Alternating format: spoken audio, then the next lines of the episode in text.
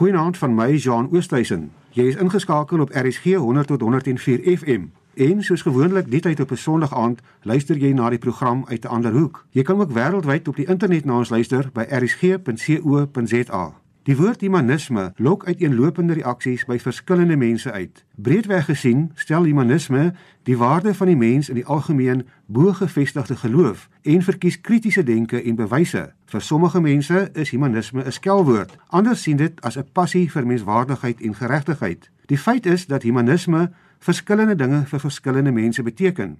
Ek gesels vanaand met twee teoloë, Dr. Bende Tooi en professor Pieter Crawford om agter die kap van die bil te probeer kom oor die werklike betekenis van humanisme. Goeienaand Ben, welkom aan jou. Naand Jean. Goeienaand Pieter, welkom. Naand Jean. Ben en Pieter, kom ek vra vir albei van julle. Daar is soveel uiteenlopende menings oor humanisme en die verskillende vorms van humanisme en ons kan later terugkom daarna toe. Maar hoe definieer julle humanisme? Wat beteken humanisme vir jou persoonlik, Ben? Kyk, ek dink die eerste ding wat 'n mens nou eers net moet uitmaak met mekaar as mens hier oop praat is die die isme aan die einde. Gewoonlik as 'n uh, isme aan die einde van 'n woord of 'n begrip gesit word, dan beteken dit eintlik 'n negatiewe begrip. Humanisme, kommunisme en so meer. So net doodnoodig deur dit so te noem is dit alreeds 'n aanduiding van dat dit iets is wat 'n mens dalk nou nie meer sou saamstem nie. In ons geskiedenis in Suid-Afrika in die Afrikaanse kerk toneel soort van was dit 'n baie definitiewe negatiewe soort van aanduiding van 'n denkerigting wat saam met soos wat ek net o gesê het oor kommunisme en hierdie soort van goeters gesien is. En die belangrike ding is in daardie opsig dat veral binne die gereformeerde teologie dit gesien is as 'n baie onwenslike ding omdat die gereformeerde teologie uitgang van die veronderstelling dat die mens verdorwe is deur die sonde. Die mens is nie so oulik nie. Hy het iets nodig om hom oulik te maak en om oulik te maak moet hy 'n Christen word. Sodra jy dan in Jesus Christus glo en jou sondes is vergewe, dan word jou humaniteit, jou menslikheid word herstel met die nuwe mens en so is jy dan 'n Christen en die menswording van God in Jesus is dan nou die voorloper eintlik van hierdie nuwe mensheid waarin mens dan sal sê in daai opsig is daar 'n gekwalifiseerde ja vir mens wees. Maar nie vanuit die staanspoor nie. En humanisme se vertrekpunt is weer dat 'n mens is in sigself het hy of sy menswaardigheid. Pieter, humanisme, humaniteit, wat beteken dit vir jou? Jean, ja, ek dink jy het dit net nou reeds gesê. Ek dink mense moet begin deur te sê dis nie 'n vloekwoord nie. In 'n sekere sin is dit iets wat ons almal het, want mense kan dit omskryf met 'n paar woorde soos menslikheid, medemenslikheid, om menslik op te tree. Dit is alles fasette van humanisme. Maar humanisme is ook 'n wêreld en 'n lewensbeskouing en in daardie sin staan dit teenoor godsdienstige wêreld en lewensbeskouings. In 'n meer breë sin is humanisme ook 'n filosofie. Mense kan sê dat humanisme byvoorbeeld 'n rol gespeel het in die afskaffing van slawerny, sonder om te sê presies watter soort van humanisme mense van praat. Dit dui ook 'n breë lewensfilosofie aan waarin die mens sentraal en medemenslikheid sentraal gestel word. Ben min mense in Suid-Afrika verwys na hulle self as humaniste. Die meeste mense in die land beskou hulle self as Christene en daar's ook ander gelowe soos moslems en Jode en ook ongelowiges wat gewoonlik na hulle self verwys as ateïste of agnosties. Waar pas humanisme dan in hierdie breë prentjie in? Dit hang af van watter kant af 'n mens daarna sal kyk. Ek bedoel as jy as 'n Christen daarna sal kyk, dan dink ek sou dit 'n sterk saak uitgemaak word om te sê dat humanisme is per implikasie eintlik ateïsme. Dis mense want want God is nie in die senter nie. Die mens is in die sentrum. Die mens is eintlik goed en die mens moet homself uiteindelik sy identiteit vind in homself. En wat Pieter nou gesê het, die hele kwessie van vrystelling van slawe, die hele beweging rondom bevryding van mense het 'n humanistiese ondertoon of 'n baie sterk ene daar. So die punt is dat die beskouing rondom humanisme is dis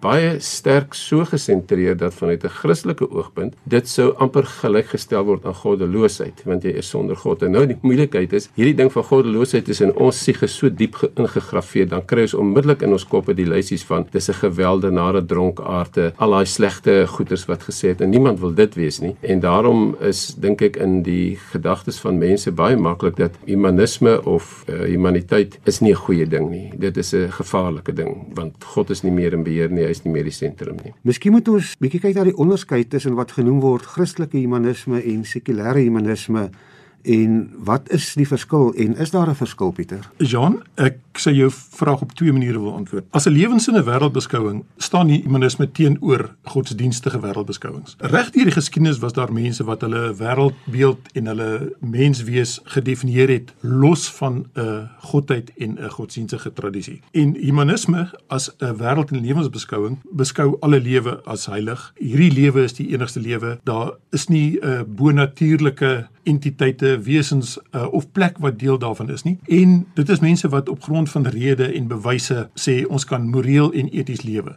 So in daardie sin staan humanisme lynreg teenoor godsdienste wat op dieselfde lewensvrae antwoorde gee wat anders is. Godsdienste werk met die idee van 'n spesifieke soort mensbeeld en 'n bonatuurlike entiteit wat deel van die wêreld is. So in 'n sekere sin staan hulle teenoor mekaar. Mense moet ook baie versigtig wees. Een van die kenmerke van humanisme is dat dit sê ons wil die wetenskap ernstig opneem. Nou, een van die eienskappe van die wetenskap is dat die wetenskap wil ook met presisheid en met integriteit met goed omgaan. En daarom is dit in 'n sekere sin baie gevaarlik om van die Christelike godsdienst te praat. Want binne die Christelike godsdienst is daar ook 'n geweldige verskeidenheid. So daarom sou mens ook binne die Christelike godsdiens Christelike humanisme kry wat nie noodwendig so ver verwyderd is van sekulêre humanisme nie. Ons situasie in Suid-Afrika is sodat en veral in die Afrikaanse wêreld die Christendom en die Christelike godsdienst op 'n baie spesifieke manier gedefinieer het. Maar mense sou dit ook op 'n ander manier kan definieer en ander elemente kan beklemtoon wat dan veel nader is aan sekulêre humanisme. Ek het vroeër gesê een van die interessante voorbeelde in ons eie land is dat diskurs oor humanisme het 'n groot rol gespeel in die weerstand teen apartheid. En dit was godsdienstige sowel as sekulêre humanistiese idees wat menswaardigheid, geregtigheid, regverdigheid beklemtoon het wat saam daar 'n rol gespeel het. So in konkrete menslike situasies is dit nie noodwendig so ver van mekaar af nie. Ben Christelike humanisme? Ek weet die teoloog John LaGrucci beskou homself as 'n Christelike humanis. Sy een boek se naam is getiteld Being Human: Confessions of a Christian Humanist. Kry mens dan iets soos Christelike humanisme ook? Ja, kyk, dit is wat ek en wat Pieter ook dink ek probeer sê het is dat as 'n mens na die Christelike geloof kyk, se verstaan van menswees, dan trek dit veral binne die gereformeerde tradisie weg met die aanname dat die mens boos is, die mens is in, sigself 'n sondaar en so meer. So, wanneer dit dus in die Christelike leer by iemand kom by die punt om daardie verlossing in Christus te aanvaar en dis met ander woorde nuut gemaak te word deur die Gees van God en 'n kind van God word, dan word sy humaniteit daarin of haar humaniteit daarin gesien. Dit is 'n identiteit van die soort van humaniteit waarvan ons hier praat. In terme daarvan sou die Christelike geloof daarom ook kon sê, behoort ons as mense met mekaar menslik om te gaan. En daar is dit baie dieselfde, maar dit die ek wil weer sê, die vertrekpunt is op verskillende plekke. Die een sê dit is in sigself is die mens dit waardig om mens te wees. Die ander een sê in sigself is die mens dit nie werd nie, maar hy moet eers in Christus kom, dan word hy dit werd. En dit is 'n definitiewe verskil tussen. Jean, ek sou graag ja. daarbey wil aansluit. Kyk, die dominante mensbeeld binne ten minste die Afrikaanse wêreld is dat van die mens as boos, sondig, die idee van erfsonde 'n verdorwe dan is 'n donker prentjie van die mens. Ek dink daar is ander tradisies en dit is waar John de Gruchy aansluit, naamlik dat die mens nie net verdorwe is nie, maar ook na die beeld van God geskape is. En daaruit wil hy 'n argument maak om te sê dat dit jy sê dat die belangrike faset van menswees is om in goeie verhoudinge met ander mense en met die skepping te leef. En dan onderbeklemtoon jy natuurlik hierdie fasette wat die donker beeld van die mens skep. En te gelyk moet mens sê dat iemand soos John de Gruchy ook hierdie bonatuurlike relativeer. Dit plaas dit in 'n ander konteks en daarom kan hy ook 'n saak uitmaak dat daar 'n vorm van Christelike humanisme is. Daar is mense wat self sê Jesus was eintlik 'n humanis. Hy het liefde en verdraagsaamheid gepredik. Jy moet jou naaste lief hê soos jouself ensovoorts. Maar nou hoor ons ook by julle humanisme fokus nie eintlik op God of gode nie. Kan mens Jesus dan regtig 'n humanis noem? Ek dink jy kan Jesus 'n humanis noem. Nie mens kan Jesus noem iemand wat presies wat jy dan ook sê, die menswaardigheid van mense raak gesien het en dit in hulle wou herstel het om aan te sluit by Pieter. Dis waar die begrip vandaan kom dat die beeld van God in die mens herstel moet word. Maar onthou nou net binne die Christelike geloof is God altyd betrokke hierin. Altyd. Dit gaan oor die beeld van God wat verduister is en wat deur herskep moet word in die mens. So die mens is nie in sigself menswaardig nie. Ek weet ons het baie keer eh, in daai tyd is gepraat ook van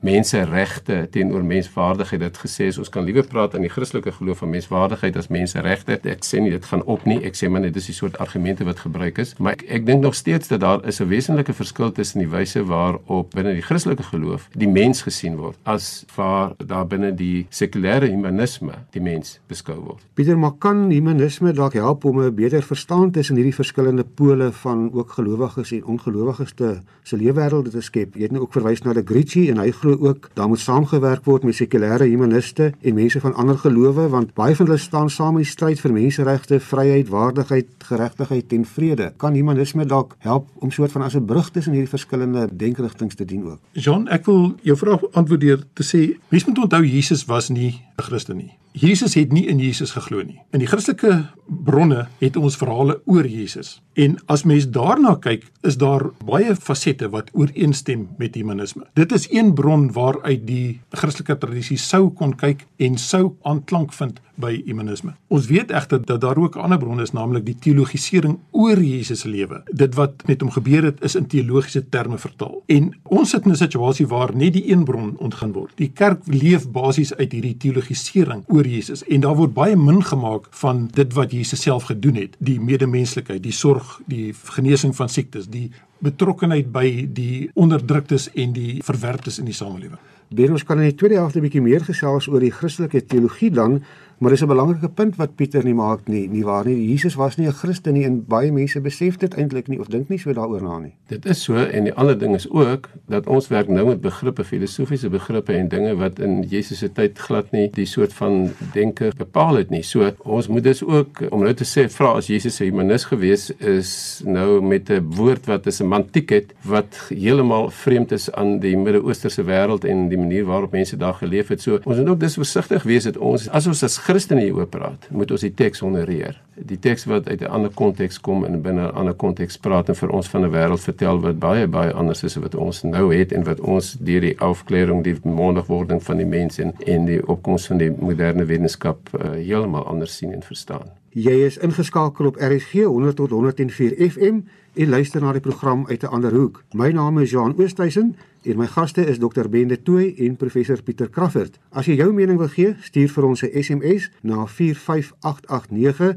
Dit kos jou R1.50 per SMS of like ons Facebookblad uit 'n ander hoek en gee jou mening daar. My e-posadres is jean.oosthuizen@gmail.com of volg my op Twitter by Jean Oost. My twee gaste vanaand is Dr. Bende Tooi en professor Pieter Kraffert. En ons gesels oor humanisme en die betekenis wat gelowiges sowel as ongelowiges daaraan heg. Bende Pieter, ons het in die eerste deel van die gesprek gesels oor die begrip humanisme, maar kom ons neem dit 'n stap verder. As 'n mens neig na humanisme, dan lyk dit vir my mense beweeg verder weg van 'n eng Bybelse teologie na 'n meer mensgesentreerde benadering. Ben, is daar 'n verskil tussen 'n uh, Bybelse teologie en 'n breër Christelike teologie? Jan, daar's 'n baie groot verskil tussen 'n Bybelse teologie en 'n Christelike teologie. En dit sal miskien mense nou laat regop sit om dit te hoor. Christene is in die heel eerste plek mense wat 'n Christelike geloof het en nie 'n Bybelse geloof nie. Dit klink na 'n teenspraak, maar die punt is net dat as ons doeteenvoudig gaan kyk na die ontstaan van die Bybel, die wese van die Bybel wat oor 1500 jaar min of meer ontstaan het in 'n tyd tydperk totaal en al anders en verskillend in die ontwikkeling van byvoorbeeld die Ou Testamentiese godsdiens beskouing rondom bepaalde dinge en jy gaan dan aandeel na die Nuwe Testament en selfs na Bybelse tydperk dan is ek eintlik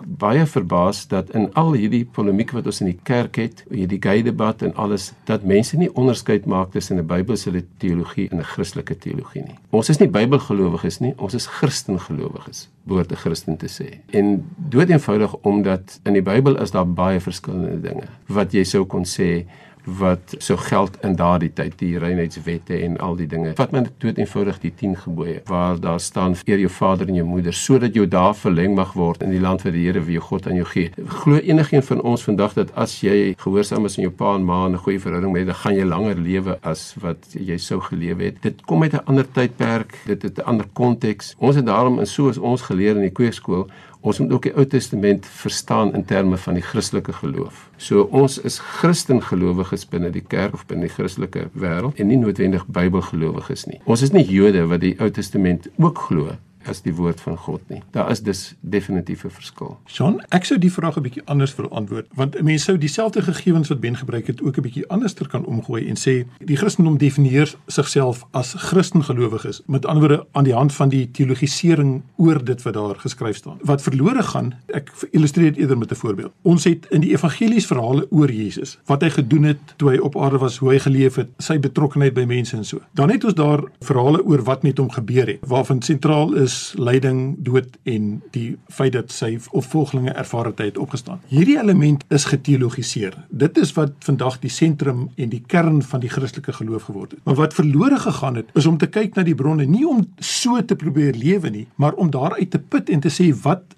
is daar wat van waarde is. Jy sien, dit bring ons terug by 'n persoon wat op 'n spesifieke manier geleef het in verhouding met God en in verhouding met ander mense. In daardie sin sou mens sê daar is bronne wat beskikbaar is, maar wat ons nie benut nie, want die teologiese idees domineer in die kerk. Maar goed, kom ek vra dan vir julle, julle het albei nou gesê humanisme is tog eintlik 'n meer mensgesentreerde benadering teenoor 'n godgesentreerde benadering. Maar staan humanisme dan nie per definisie in oppositie teenoor 'n uh, teologiese denkvorm nie ben. Nee, ek dink nie so nie. Dit hang af hoe mense nou daarna kyk en ek moet weer teruggaan daardeur om te sê ek dink dat as 'n mens nou maar net neem die belydenis van Belhar wat gaan oor geregtigheid, versoening en eenheid waar dit gaan oor om na 'n mens te kyk vanuit hoe God na mense kyk dat die mens dus met ander woorde menswaardig is en daarom die evangelie moet hoor en en gered moet word. Dit is die hele kruks van die Christelike geloof. Dis net heeltemal 'n ander vertrekpunt. Dit is 'n ander manier om na die wêreld te kyk en wat Pieter ook aan mekaar sê, onthou nou net, binne die Christelike geloof werk 'n mens heeltyd of mense heeltyd of iemand heeltyd met metafisiese wêreld wat saampraat. Met ander woorde met 'n bo-natuurlike, goddelike wêreld waarin daar 'n God is en daar selfs 'n duiwel verbaie met engele wat heeltyd meewerk om te bepaal wat hier op aarde gebeur. Humanisme het glad nie dit nie. Humanisme werk vanuit of humaniteit werk vanuit die empiriese wetenskappe van wat ons sê ons het hier 'n biologiese mens en dit is soos wat uh,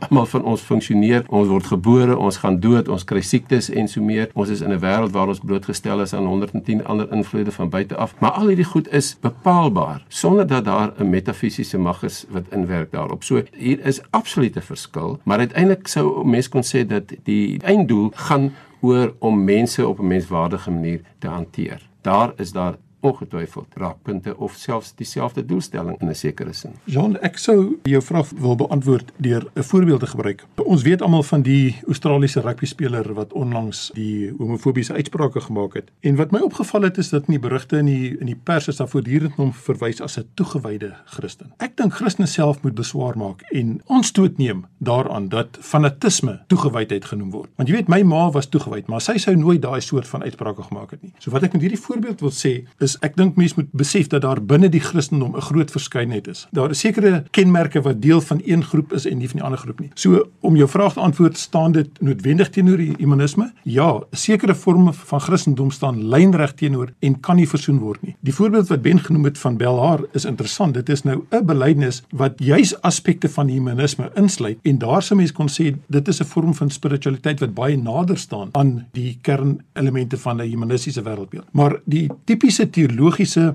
tradisionele belydenisse bevat niks daarvan en daar sou mens moet sê dit staan lynreg teenoor 'n humanistiese filosofie. Maar kan ek net daarby voeg Pieter, dit is nou daar waar ek meen dat hierdie persoon wat jy nou genoem het wat daar baie sterk punte standpunte het rondom seksuele oriëntasie en wat dan nou baie sterk toegewys soos hulle nou ja. sê op die Bybel beroep. Dit is juist daar waar ek sê dat ek dink ons moet onderskeid maak in ons dispute hieroor tussen Bybelse teologie en hmm. Christelike teologie. Want Christene interpreteer die Bybel vanuit 'n bepaalde verstaan van wat Jesus van Nasaret vir ons kom beteken het en gesê het oor mense hmm. en oor al hierdie dinge. En daarom werk ons met die dubbele liefdesgebod as die kernwaarheid van die Christelike geloof. En as jy van daaruit dan gaan na die Bybelse teks toe, dan gaan jy dit op 'n ander manier lees. Dan behoort dit jou fanatisisme te temper en behoort daar 'n groter openheid inklusiwiteit na vore te kom en nie hierdie eksklusiewe fanatiese soort van net ek is reg in die hele wêreld is verkeerd en daarom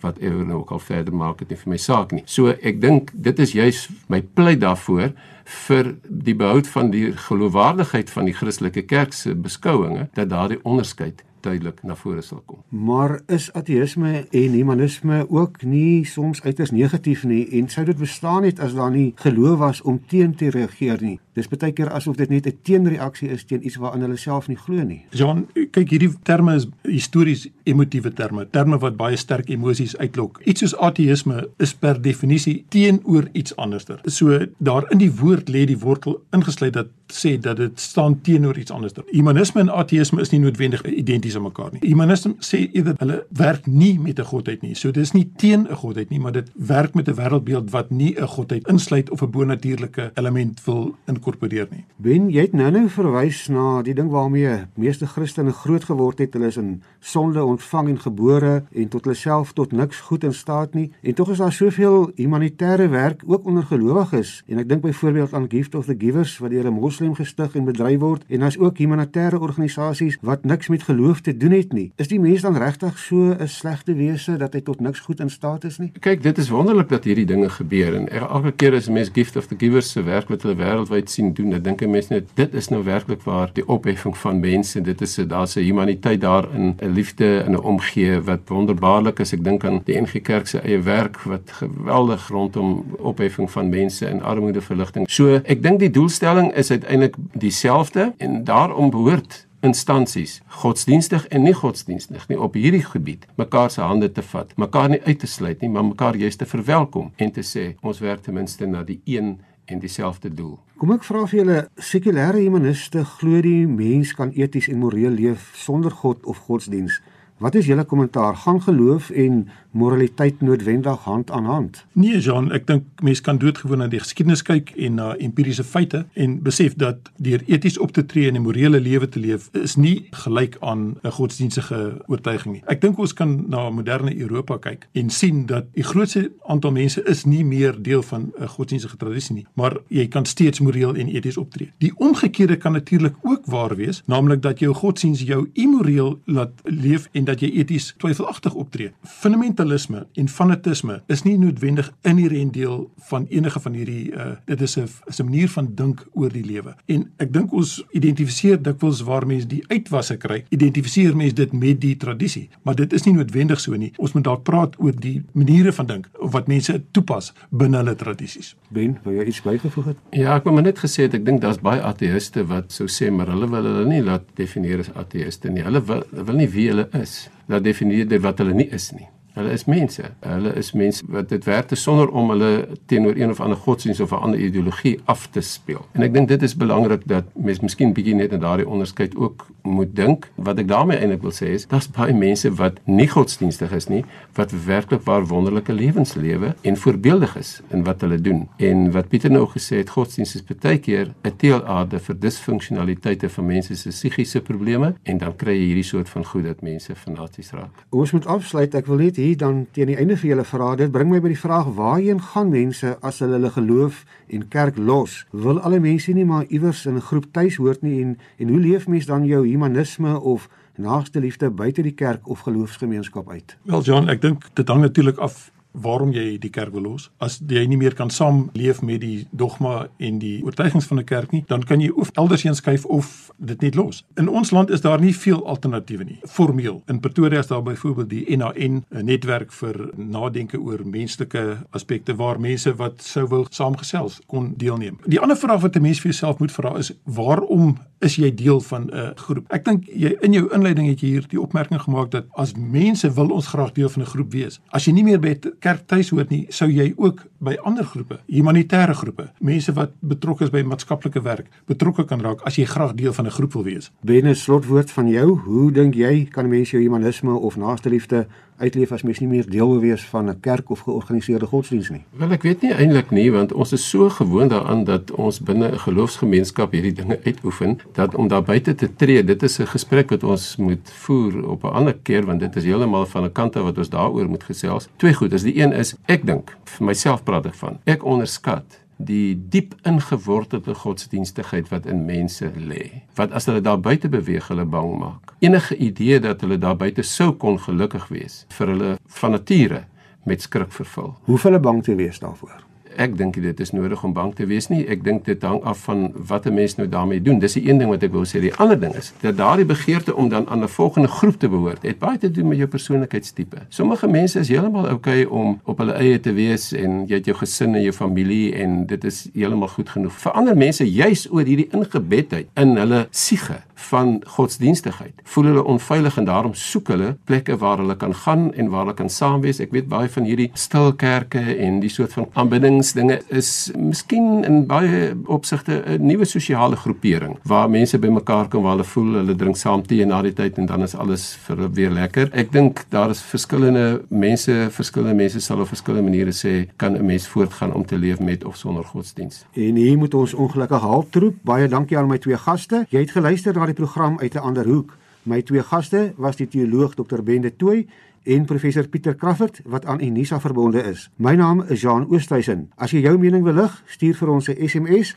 na 45889. Dit kos jou R1.50 per SMS of like ons Facebookblad uit 'n ander hoek waar ek na die program ook van ons luisteraars se kommentaar sal pos. My e-posadres is jean.oosthuizen@gmail.com of volg my op Twitter. Onthou hierdie program en ook al die vorige programme kan enige tyd ook as 'n potgooi afgelaai word op RSG se webwerf by rsg.co.za. Van my Jean Oosthuizen, baie dankie dat jy saam met ons gekuier het. Tot volgende week weer net hier op RSG 100 tot 104 FM wanneer ons weer uit 'n ander hoek gesels.